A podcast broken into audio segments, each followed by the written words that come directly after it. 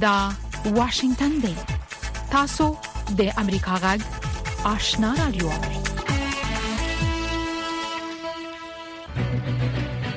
قدرمن اوریدونکو السلام علیکم زه شافیا سردار یم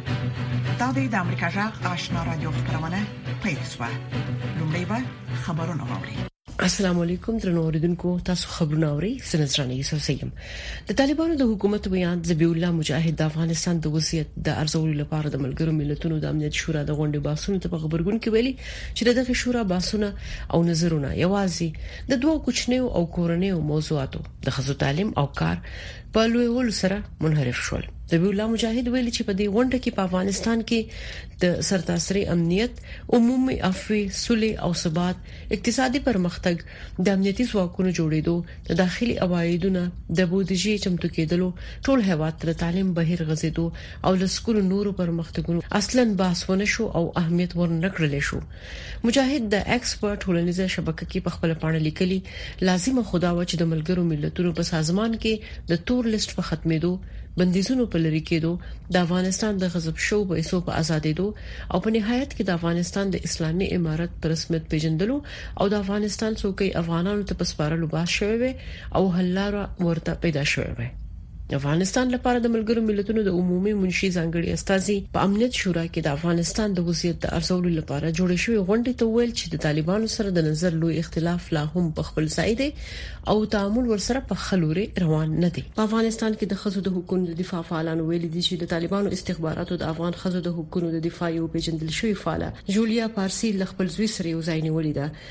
د جولیا پارسي خپلوانو امریکا غږ ته وویل چې د خزو د حقوقو دغه فعال د چهارشنبه په ورځ د سپټمبر په 28مه د کابل ښار په قله فتح الله ساحه کې نیول شوې ده د هغوی په وینا طالبان لومړی د جولیا پارسي د زوی دکان ته ورغلل او هغه یې اړکو چې د خپل مور ځای ته بوزي تر اوسه طالبانو په دې اړه باندې سندې ویلي یو پاکستاني سرچینه وایي چې د طالبانو حکومت شاوخوا 200 پاکستانیان نیولي چې د پاکستان د چترال نه افغانستان ته تللي وو دغه سرچینه د نوم نه خول په شرط امریکا غږته ویل چې دا جنگیالي اوس په زندان کې دي او زیاته یې کړې چې د افغانستان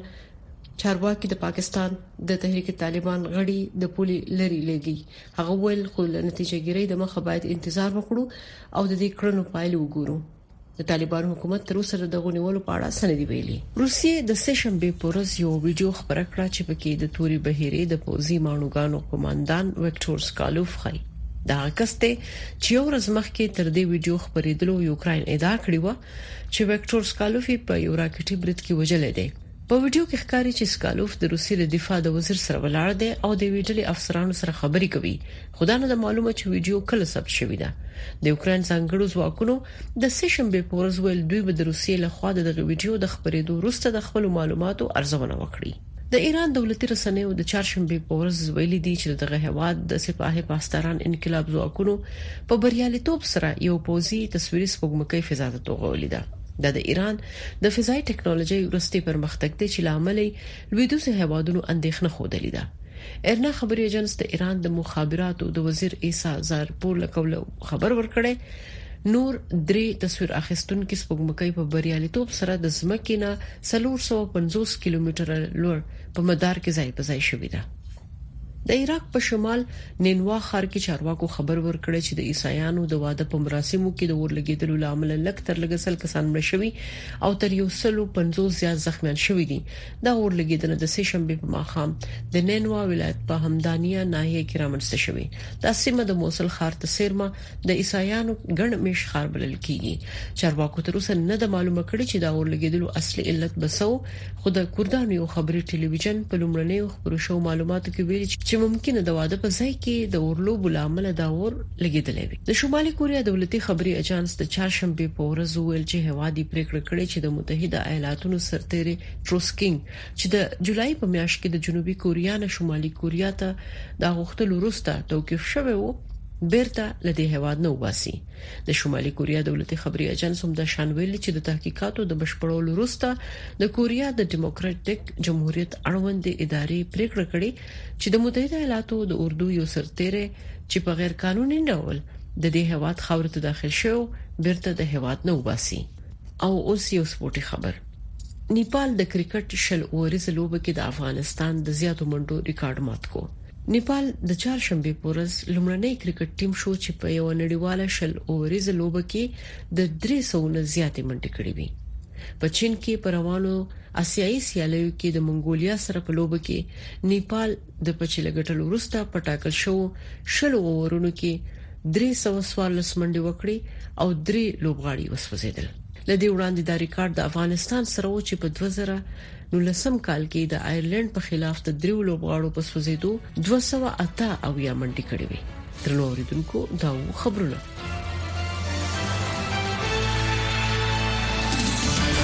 خبرونه مو د امریکا جغ آشنا رادیو څخه واوریدل. درنوریدونکو زموږ په دې سهارنۍ پښتو خبرونه کې د افغانستان سیمه او نړۍ د اوسنوي حالاتو په اړه کې مهم مطالب لرو هله د چ خبرونه تر پای واوري لومړی براسو د راپورټ چې د طالبانو د حکومت د بهرنوي چارو وزارت مرستيال شیر محمد عباس تانکزي یو ځل بیا له ایران او پاکستان څخه غوښتي چې افغان کډوالو سره دې د کډوالو د نړیوالو قوانینو لمخې چلند وکړي ښاغلي ستانکزي په کابل کې یوې غونډې ته په وینا کې یو ځل بیا د نورو هیوادونو پر خلاف د افغانستان د خاورې د نکارولو ډاټ ورکړ ځینې پاکستانی کارپوهان وایي پاکستان کې د ټاکنو په محل د ټي ټي پی د ډلې د احتمالي غواښونو په اړه اندیشنې خورا زیاتې دي نور تفصيل زموږ د خبريال اکرام شنواری پر رپورت کې واوري د طالبانو د حکومت د بهرنی چارو وزارت مرستیال شیر محمد عباس سرګزی پاکستان کې د افغان مهاجرینو سره د دغه هیواد د پولیسو په ناسم چلند باندې کلک انتقاد کړي او د پاکستاني چارواکو غوښتي چې د خپل هیواد د کورنۍ ستونزو مسولیت په افغانستان نه چي ښاغلي ستانکزي د چهارشنبه په ورځ کابل کې د توریزم د نړیوالې ورځې په مناسبت یو غونډې ته په وینا کې د سیمې او ګاونډي هیوادو څخه وغوښتل د افغانستان په ثبات کې د افغانانو سره مرسته وکړي موږ له خپل ګاونډي نه بل خصوص له ایران پاکستان په دې باندې منندوی یو چې دوی زموږ په میلیونونو مهاجر مهاجرو ته ځای ورکړی دی او د دوی کوربانه دي خو په دې وروستیو کې کوم حالت چې زموږ په مهاجرو باندې زموږ په ګاونډیو ملکونو کې راځي دا هم د زغملو نه دي مونږ په دې خپلو دوستو ملکونو باندې غږ کوو او دا په زغرده ورته وایو چې زمونږ له مهاجرو سره چې په ګاونډیو ملکونو کې دي او د نړۍ په نورو ملکونو کې دي په هغه بین المللي معیارونو چې د مهاجرت لپاره دي هغسې رفتار ورسره وکړي، مهاجرین بې ځایه ونه ځوروي، هغه مهاجرین چې هلته قانوني د استوګنې اسناد لري بندیخانو او بې عزتۍ نه یې لاس واخلي. همداشان ښاغلي ستانکزي په خپل څرګندونو کې پرته له دې چې د پاکستان د حکومت د چارواکو نوم واخلي ویل چې هر هیواد چې په خپل ملک کې دننه امنیتي او اقتصادي ستونزې لري هڅه دې وکړي چې خپلې ستونزې په خپله هوارې کړي. از تهمتهای بیجا و از مسئولیت به گردن دیگر انداختن این راه حل نیست. هر کس باید کوشش بکند تا اقوام خود و مردم خود راضی بسازد تا در مقابلشان مخالفت نباشد. د طالبانو د حکومت د بهرنیو چارو وزارت مرستیال ویل چې چک که په قبضه کې ستونزې وي او طالبانو حکومت د ستونزو په هوارولو کې مرسته کولای شي نو دوی چمتو دي چې که ورته اړتیا وي د ورور او ښه ګاونډي هیواد په توګه په خپل وسه د ستونزو په هوارولو کې مرسته وکړي. به می در خواهش ما از کشورهای منطقه هم ای است که مشکلات داخلی خود در بین خودشان حل بکنند نه ای که به خاطر خوش ساختن بعضی قدرتهای بزرگ و خرد اتهامات برای کشورهای دیگر و همسایه های خود وارد بکنند ما همیشه به صریح به الفاظ صریح به جهانیان اعلان کردیم که افغانستان هیچ وقت در هیچ کشوری از دنیا فعالیت های غیر قانونی را اجرا نکرده به ضد امنیت کشورهای دیگر فعالیت نکرده و بعد از این هم ما کسر اجازه نمیتیم که خاک افغانستان علیه کشورهای دیگر بالخصوص کشورهای همسایه ما استعمال بکنن په دې وروستیو ورځو کې د پاکستان د حکومت ځینو لوړپوړو چارواکو په ملګرو ملتونو او نورو نړیوالو کانفرنسونو کې د طالبانو په حکومت د پاکستان د حکومت وسلوالي مخالفې ډلې تحریک طالبان پاکستان ته د پټنځایونو د برابرولو او دغه هیواد په خلاف د افغانستان د خاورې د کارولو په اړه ادعاوې کړې دي همدا شان په دې وروستیو ورځو کې په پاکستان کې د افغان کډوالو د نیولو او په زندانونو کې د اچولو په اړه ریپورتونه ورکړل شوې دي د پاکستان د کراچۍ ښار کې د افغانانو ټولنې د معلوماتو له مخې یوازې په تیرو څو باندې دوه اونیو کې په دغه ښار کې له اوو سوو څخه زیات افغان کډوال نیول شوي او په زندانونو کې اچول شوي. په اسلام اباد کې د سیاسي چارو یو کارپوه حسن خان وایي چې پاکستان په افغانستان کې د تحریک طالبان پاکستان د ډلې د فعالیتونو او د سرحد هغې غاړې ته په پاکستاني امنیتي ځواکونو باندې د بریدونو په اړه اندېښنې لري. دی وایي چې دا اندېښنې پاکستان کې د راروانو پارلماني ټاکنو پر مهال لا زیاتې مطرح کیږي. ټي ټي پي دا وخت پاکستان ته یو ډیره غټه مسله ده بل پاکستان کې دا هم احساس دی چې را روانو سو میاشتو کې په انتخابات کېږي جنرال انتخابات کېږي نو په هغه کې بم د کټي ټي پی د طرفه داسې کاروایانه وشولې نو هغه ډیر لوی نقصان یو دغه سره به انتخابات چې کم دی هغه به هم متاثر کیږي. یوی پاکستاني چارواکو په پرلپسې ډول خپل اندېښنې د طالبانو حکومت ته رسولې دي حسن خان وی پاکستان هڅه کوي چې په افغانستان کې د تحریک طالبان پاکستان د وسلوالې ډلې د شتون مسله د طالبانو د حکومت سره د خبرو لارې هواره د ملګرو ملتونو د اړیکو کمشنري د معلوماتو لمخې اوس مال په پاکستان کې 3.1 میلیونه افغان کډوال وسیږي چې یوازې 1.3 میلیونه د کډوالۍ قانوني اسناد لري انتظار پای ته ورسید ترنو لیدونکو او اوریدونکو تاسو کولی شئ د امریکا غټ ټلویزیونی او رادیوي خبرونه د یاشر ساتلایت له طریقو وګورئ او واورئ د نوي ساتلایت لارې تاسو د آشنا اتصال او کاروان ټلویزیونی خبرونه کتلای هم شئ د امریکا غږ د افغانستان څنګه خبرونه په 308 پټ چنل او د آشنا رادیوي خبرونه په 308 پټ چنل کې اوریدلای شئ لملتيامو د تل پشان مننه د امریکا جغ آشنا رادیو څخه تاسو زموږ د خبرونه اورئ امریکا او متحدینو د ملګرو ملتونو د امنیت شورا په غونډه کې د افغانستان د حاکمانو څخه غوښتي چې د شذو او جنو حقوقو ته د درناوي وکړي د غونډې ته د افغانستان د وضعیت د غنو اړخونو په اړه یو راپورټ وړاندې شوی دی په افغانستان کې د ملګرو ملتونو د عمومي منشي ځانګړي استاذې روزا اوتنبایو ویلي چې طالبان شوځ ته اجازه نه ورکوي چې په ټولنه کې ونډه واخلي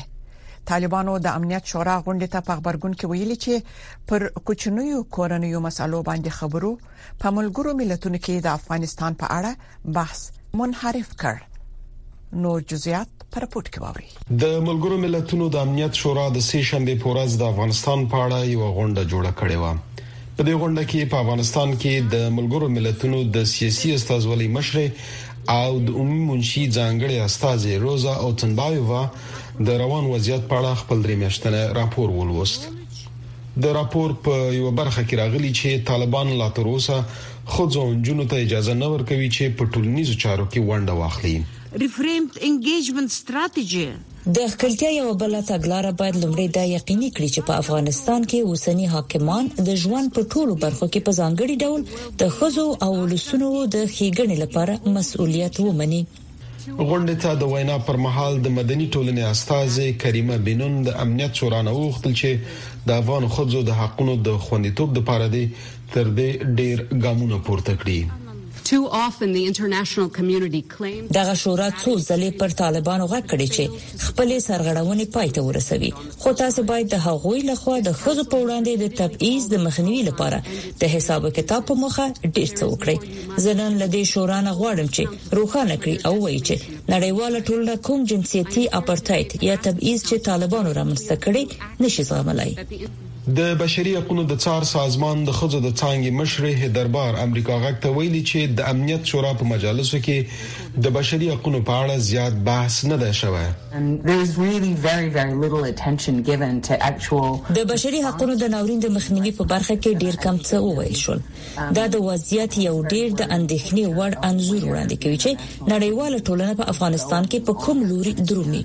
نړیواله ټولنه څومره چمتو ده چې مخته لاړ شي او د بشري حقوقو جدي کړکېچ چې رامنځته شوی او زیاتیږي هیر کړي اما امریکا او ملګري د امنیت شورا په غونډه کې د طالبان نو غوښتل چې د بشري حقوقو لپاره درناوی وکړي او دای په ډاګه کړ چې که طالبان کورنی مشروعیت ونه ګټي، نړیوال مشروعیت نه شي ترلاسه کولای. موږ طالبان هڅوو چې محدودیتونه ختم کړي، ښځو او نجونو ته دې اجازه ورکړي چې تعلیم ته لاسرسی ولري او دا په ټولنه کې د هغوی د پوره، مساوي او معنا لرونکې ونډې څرګندونه وکړي. طالبانو د افغانستان په اړه د امنیت شورا غونډې ته غبرګون ښودلی او ویلي چې بحثونه منحرف شول. د طالبانو ویاند ذبیح الله مجاهد د چهارشنبې په ورځ د ایکس په ټولنیزه شبکه کې لیکلي چې د دغې شورا بحثونه او نظرونه یوازې د دوو کوچنیو او کورنیو موضوعاتو یعنی د ښځو تعلیم او کار په لویولو سره منحرف شول احمد شکیب د امریکا غږ واشنگتن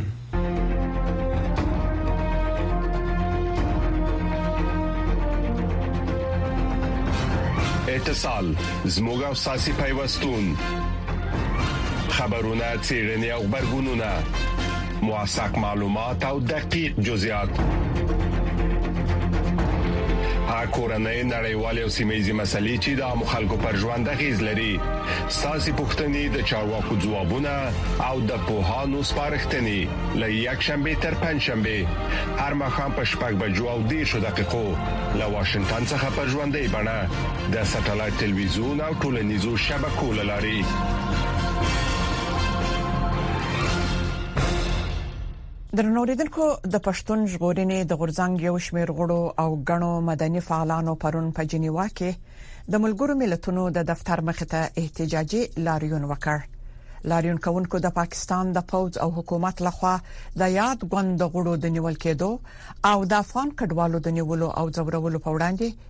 اعتراض وکړ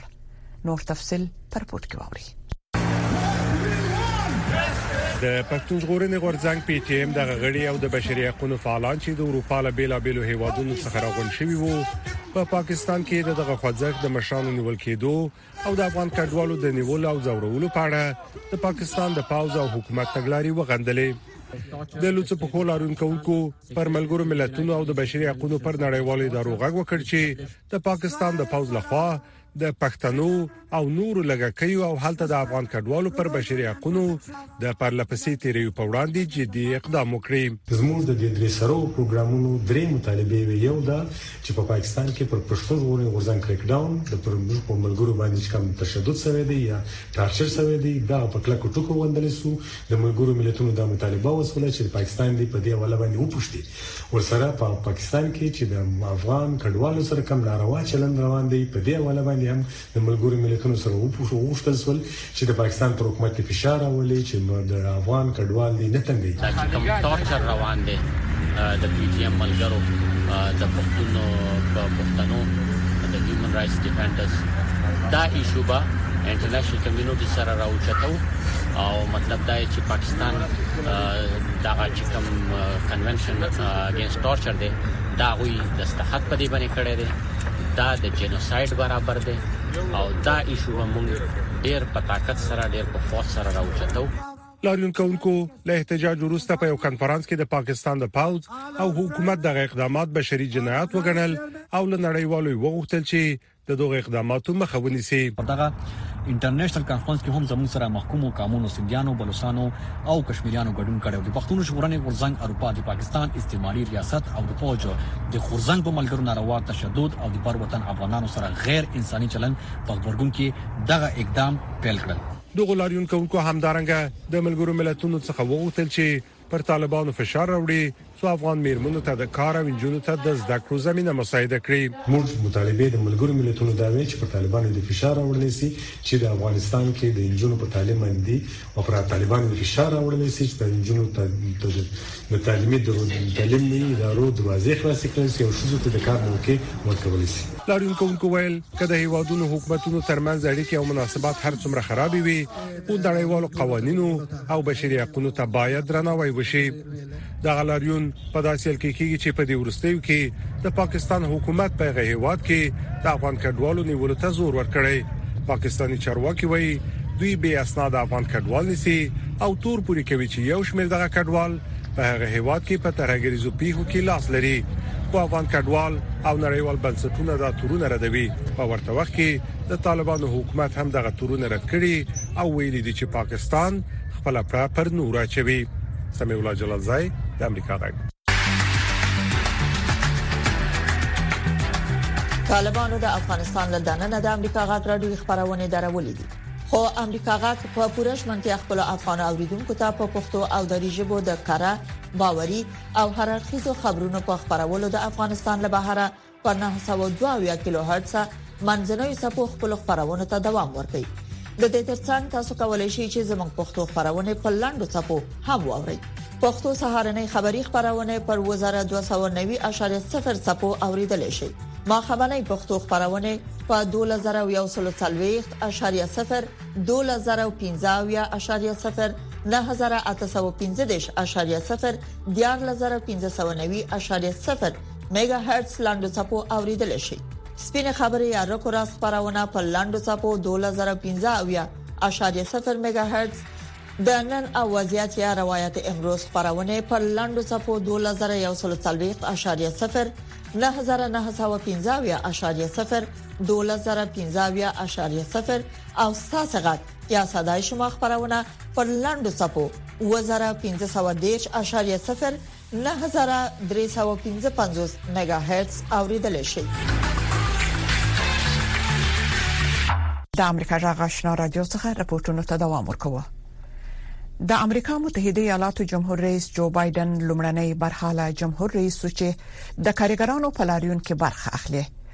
او په مشیګن ایالت کې د موټر جوړولو کمپنیو د کارګرانو سره ودرېږي دغه معترض کارکونکي د 40 فصلو کې معاش لوړولو او د 12 ساعتونو کاري اونۍ غوښتونکي دي پښتنه دا ده چې آیا په دغه لاریون کې د لوړپوړو حکومتي کارکونکو ګډون به وکولای شي د متحده ایالاتو درې د موټرو جوړولو لوی کمپنۍ د کارګر غوښتنو منلو ته وهڅوي په دې اړه کې رپورت ووري د سې شنبه په ورځ بایدن د متحده ایالاتو لومړی برحاله ولسمشر شو چې د ډیټرایټ په ښار کې د موټر جوړولو د معترضو کارکونکو سره یو ځای شو د دوه اونیو راهیسې دغه لاریون کوونکي د متحده ایالاتو د موټر جوړولو د دریو لویو کمپنیو نه د لوړو معاش او لنډې کاري اونۍ سربیره د ځینو نورو بدلونونو غوښتونکي دي بایډن له احتیاطه کار واخیست او د کارګرانو د غوښتنو د ملاتړ پر ځای وویل چې د کارګرانو د حقوقو ملاتړ کوي خلکو پر خپل غوښتنو ودرېږي ځکه چې تاسو د پام وړ لوړو حقوقو مستحق یاست راځي هغه څه بیرته ترلاسه کړو چې موږ له لاسه ورکړي سمه ده موږ د دوی لپاره ودرېدو اوس د دې وخت دی چې دوی زموږ لپاره ودرېږي دغه ټولنه وایي چې تر 400 زرو څخه ډیر غړي لري دوی وایي چې د شرکتونو ګټې او د مشرانو معاشونه په ګړندي ډول لوړ شوي مګر د کارګر په معاش کې خورا کوچنی زیاتوالی راغلی زه د توازن غوښتونکي یم زه غواړم چې هر څوک ښه ژوند او عادلانه ژوند وکړي. که زه په یو اړخ کې کار کوم او په ساعت کې دېرش ډالره ګټم او هغه غاړه، هغه بل کس، په یوه ساعت کې پنځلس ډالره ګټي، دا څنګه عدالت دی؟ جنرال موټرز چې د موټر جوړونکو تر ټولو لویه کمپنۍ ده، د بایډن په راڅرګندیدو باندې یې د مستقیمې تبصرې څخه ډډه کړې، خو په یوه خبرپاڼه کې یې ویلي، چې تمرکز یې پر سیاست نه، بلکې د کارګرانو د اتحادیې له مشرتابه سره پر ښه نیت او له هغوی سره د یوې هوکړې ته پر رسېدو دی، ترڅو ژر تر ژره یوې موافقې ته ورسېږي. پوښتنه دا ده، چې د کارګرانو سره د بایډن ودرېدل کولی شي د خبرو اترو توازن وساتي؟ Probably not. شاید نه، ځکه چې په خبرو اترو کې ډېر ځانګړي څه روان دي، مګر هغه کولی شي سیاسي ملاتړ بدل کړي. موږ لا د مخه د اعتصاب لپاره د خلکو پراخ ملاتړ لرو او زه فکر کوم چې دا به د اعتصاب کوونکو کارګرو دریځ نور هم مشروح کړي. د جمهوري غوښتونکو ګوند د ولسمشرۍ مخکښ نوماند ډونالډ ټرمپ پلان لري چې د چهارشنبې په ورځ ډیټرایت ته نږدې له اتحادیې بهر لاریون وکړي. دی د ولسمشر دوهمې مناظرې پر ځای په دې لاریون کې ګډون کوي. مګر بایډن او ټرمپ دواړه پوهیږي چې دا کار اکثرا د دوی لیدلوری بیانوي. د متحده ایالاتو د حکومت لوړ پوړي چارواکي نه غواړي چې داسې یوه خبره هم وکړي چې ګواکې د یو څه بدلون ته اړتیا ده احسان الله ریوزی امریکا غږ واشنگتن نن او وضعیت د نړۍ سیمه او د افغانستان پر روانو چارو او د ننني وضعیت په حق لا خبرونه راپورټونه مرکه او تحلیلونه هر شپه نه بجې د امریکا غږ آشنا رادیو نه اوري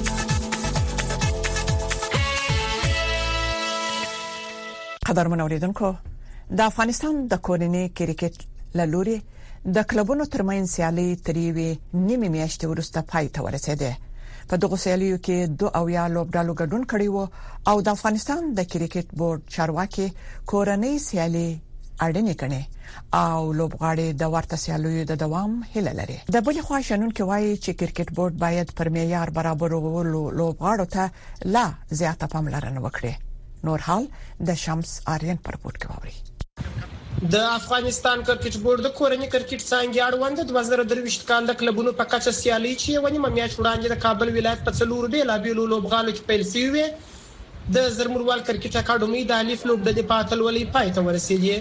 د کرکټ بورډ چارواکو امریکا غږ ته وویل چې د یادو سیالیو په جریان کې ټول ټال دوه سوه څلور لوبې ترسره شوې. د دوی په خبره چې دا د افغانستان د کورني کرکټ په تاریخ کې بې مثاله سیالۍ وې. د سږ کال له نیکه مرغه د کابل انټر کلب دوه اویا لوبډلې وې. د تیر کال په پرتله باندې تقریبا شل دوه ویشت لوبډلې اضافه شوې وې او له دې سره تقریبا ټول ټال د نن د پایلوبې سره 204 لوبې تر سره شوې چې دا د افغانستان د انټرکلب په تاریخ کې لومړی ځل ده چې دومره زیاتې لوبې په یو ولایت کې تر سره کیږي او په دغه کې دغه سیالیو مخ هم دا ده چې هغه ځوان لوبغاړي هغه استعدادونه چې د ګریډ 2 لپاره لار پیدا کوي هغه مل د انټرکلب د لومړي پړاو سکمې لوبې تر سره کیږي د هغه لوبو غوره لوبغاړي غوره بیټر بالر او هغه کم لوبغاړي لونډران سي دي هغه به ګریډ 2 ته لار پیدا کوي بل لور ته د یادو سیالیو لوبغاړي ورته سیالۍ د دوی د راتلونکي لپاره اړینې ګڼي. د دوی په خبره چې د ځوانو لوبغاړو خوارۍ به دوی خپلو لویو موخو ته ورسوي. دا ځوانان هیله لري چې یوه ورځ دوی هم د ملي لوبډلې برخه شي. ګټورې خو ډېرې زیاتې وې ځکه په دې کې د کابل دوه اویا لوبډلې وې نو موږ هرې لوبډلې سره مخامخ شو. نن چې موږ پایلوبې ته راغلي یو تقریباً موږ لس لوبې وکړې په دې ټورنمنټ کې نو ډېرې مهمې سیالۍ دي ځکه یو لوبغاړی همدې ځینه مخته تلای سي همدې ځینه آینده جوړیږي آینده کرکټ کوي سي دي ځینه د کبوډ نو ډیره مننه کوم دغه سیو خړ ټورنمنت په لار اچولې او نور ونه غواړو چې دغه سیمخ کې خخه ټورنمنټونه مخته وځي درسو غنوي ځوانان تشویق هم شي او مخکې هم راشي خلک وویني نو همدغه کرکټ د چې آینده کې همدغه کنټر کلب نه مخکې پلیران راځي نشل ټیم ته او افغانستان نوم به روښانه کړي که څه هم د کرکټ برخې شنونکي داخلي سیالۍ خورا اړینې ګڼي خو په ورته وخت کې له کرکټ بورډ څخه غواړي چې د هغه لوبغاړو ته لا زیاته پاملرنه وکړي کوم چې د لوبو ټول معیارونه یې بشپړ کړي وي. کرکټبورډ نه ته دا کول پکار دی زما په نظر چې خصوصي سکتور ته نورم کار وکړي هغه کلبونه چې معیارونه پوره کړي راجستر راجستر ولري معیارونه پوره او هغه لوبغاړي پوره کلبونه پوره راجستریشن سوی هغه ته نورم توجه وکړي نو کرکټ بورډ هم دې کې ډیر زیات سهم لري کرکټ بورډ پر دې کې ډیر زیاته برخه اخیستې ده ډیر زیات کار ور سره کړی ده نو د سیدنی چې هر چاته داخله ورکړي د ارڅو کې راوستي دلته ثبت او راجستر کړي په دې دوه وی ټیمو کې هغه لوبغاړي هغه کلبونه چې معیارونه پوره نه یاغوي سره دوی هغه نه کوي په دې لوب کې نه داخلي په افغانستان کې د کرکټ لوبه تر نورو ورزشونو زیات علاقه مندان لري د شنونکو په باور چې که ځوانو او وړ لوبغاړو ته پر وخت لوب فرصت ورکړل شي لیرې بنوي چې په نړیواله کچه بل لوی بریاوي هیواد ته راوړي شمس آرین امریکا غږ. د امریکا جغ آشنا رادیو څخه رپورټونو ته دوام ورکوو د متحده ایالاتو حکومت د نوګورنو قرباغ سیمې څخه د کډوالو سو زورګونو ارمنیانو لپاره خپل ډیپلوماټیکي هڅې او بشري مرستې ګړندې کړې د امریکا جغ خبرياله په دې اړه رپورت لري او وایي چې شي حالت د آذربایجان لخوا تیر اونۍ د جلاسي وسیمې د کنټرول ترلاسه کولو وروسته کړکېچ څنګه زیات شو؟ په نګورنو کراباخ کې تیر اونۍ د بیلتون غوښتونکو د تسلیمېدو وروسته آذربایجان ژمنه کړې و چې د دې سیمې د توکمیزو ارمانیانو د حقونو ساتنه به کوي خو په زرګونو شکمن دي او پریکړه کړې چې کډوال شي دې ځای ته رسیدو شاوخوا څلور ساعت وخت ونیو ماشوم یو ډوډۍ غوښته خو موږ نه درلوده د امریکا د متحده ایالاتو د نړیوالې پراختیا ادارې د سېشنبه په ورځ د 11.15 میلیون ډالرو بشري مرستو ژمنه وکړه. دا مرسته به د خوراکي توکو څخه تر رواني ټولنیز ملاتړ پورې د هر څه چمتو کولو لپاره وکارول شي. یو ځل بیا ژورو رواني ټپونو ډېر خلک اغېزمن کړي دي. د امریکا د بهرنیو چارو وزارت ویاند میتیو میلر وویل، د آذربایجان له حکومت سره په لوړه کچه ډیپلوماټي هڅې روانې دي. درنو لیدونکو زموږ دا خپرونه په همدې ځای پای ته ورسیده. د امریکا جغ آشنا رادیو خبرونه دوام لري. ستاسو ټول څخه مننه چې زموږ خبرونه اوري.